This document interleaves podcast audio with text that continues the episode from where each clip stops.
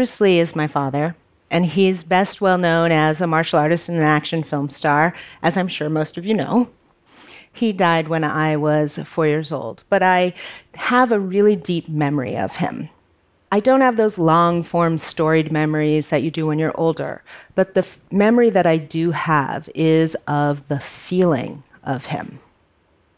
I remember his energy, his presence, his love, the safety of it, the power of it, the radiance of it.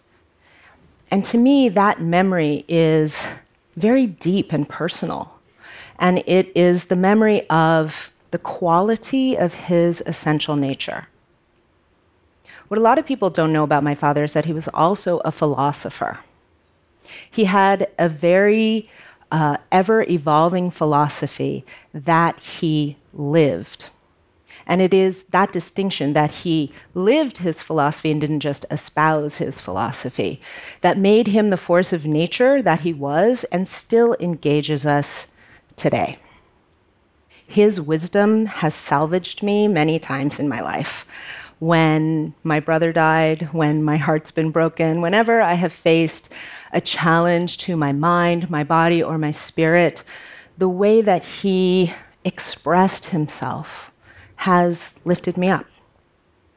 And so I come to you today not as a researcher or an educator or a guru or even a life coach, uh, but as a student of Bruce Lee, as his daughter, and also as a student of my own life.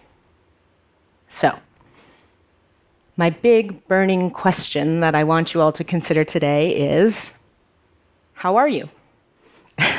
Let me elaborate. Uh, whenever anyone would ask my mom what my father was like, uh, she would say how he was in front of the camera, how you saw him in his films, how you saw him in his interviews, was in fact exactly how he was. There were not multiple Bruce Lees. There was not public Bruce Lee and private Bruce Lee, or teacher Bruce Lee and actor Bruce Lee and family man Bruce Lee. There was just one unified, total Bruce Lee. And that Bruce Lee had a very deep philosophical life practice called self actualization. You've probably heard that term before. Um, it's also known as how to be yourself in the best way possible. And that Bruce Lee said this When I look around, I always learn something, and that is to be always yourself and to express yourself and have faith in yourself. Don't go out and find a successful personality and duplicate it, but rather start from the very root of your being, which is how can I be me? Many of us have done some soul searching or at least some incessant thinking and worrying about things like our purpose, our passion, uh, our impact, our, our values, um, and uh, our reason for being. And that is sometimes considered sort of our why. Why am I here? Why this life? Why, uh, what am I meant to be doing? If we can grab a little piece of that information, it can help to ground us and root us, and it can also point us in a direction. And typically, what it points us to is our what? What we manifest in the world, what we have. So, our job, our uh, home, our hobbies, and the like. But there's this little space in between the why and the what that often doesn't get our full attention, and that is our how, how we get there, and the quality of that doing. And I want to offer that this is actually uh, the most important part of the equation when it comes to our personal growth, our sense of wholeness, and even the long term impact that we make. How is the action that bridges the gap from the internal to the external? And bridging the gap is a very important concept for a martial artist like my father. It's how you get from point A to point B.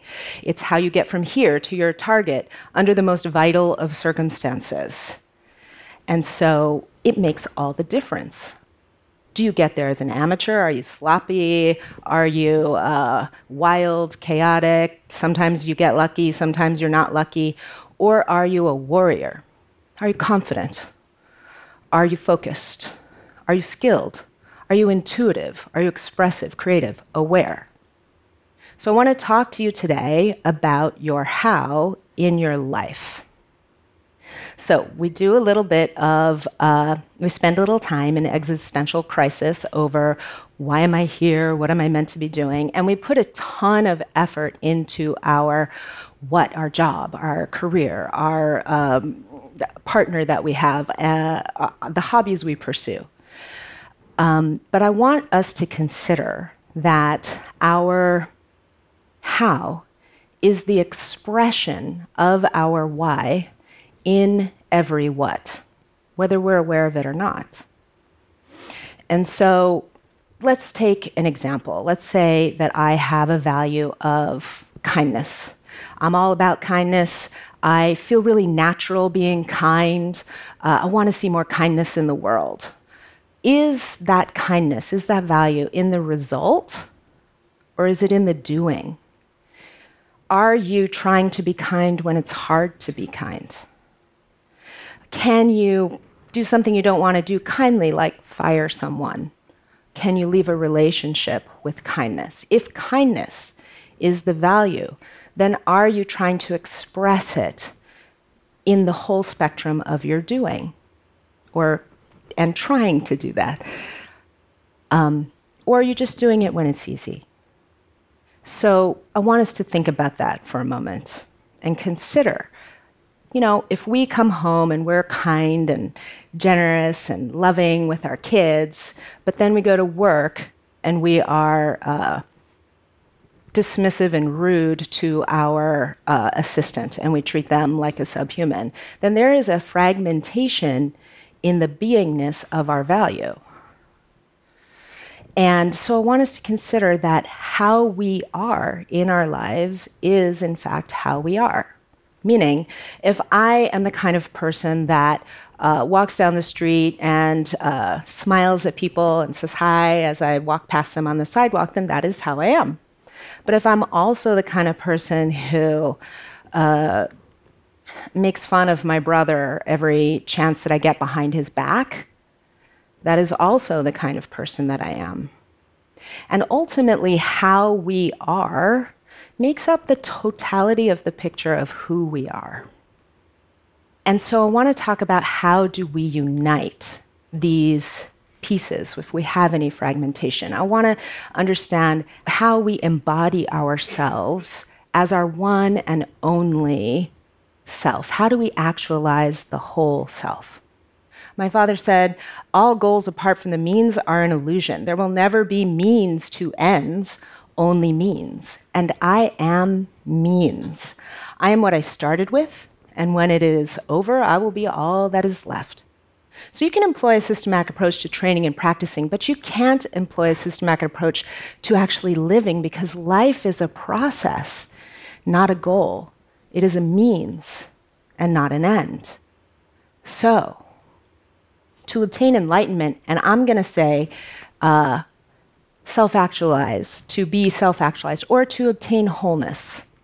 Emphasis should fall not on the cultivation of the particular departments, all of our what's, which then merges into the totality of who we are as a total human being, but rather on the total human being that then enters into and unites those particular departments. You are your how you, if you have some consciousness and you want to bring some practice, if you want to step into that warrior space around your how, how you express in every aspect of your life, then you get to be the artist of that expression.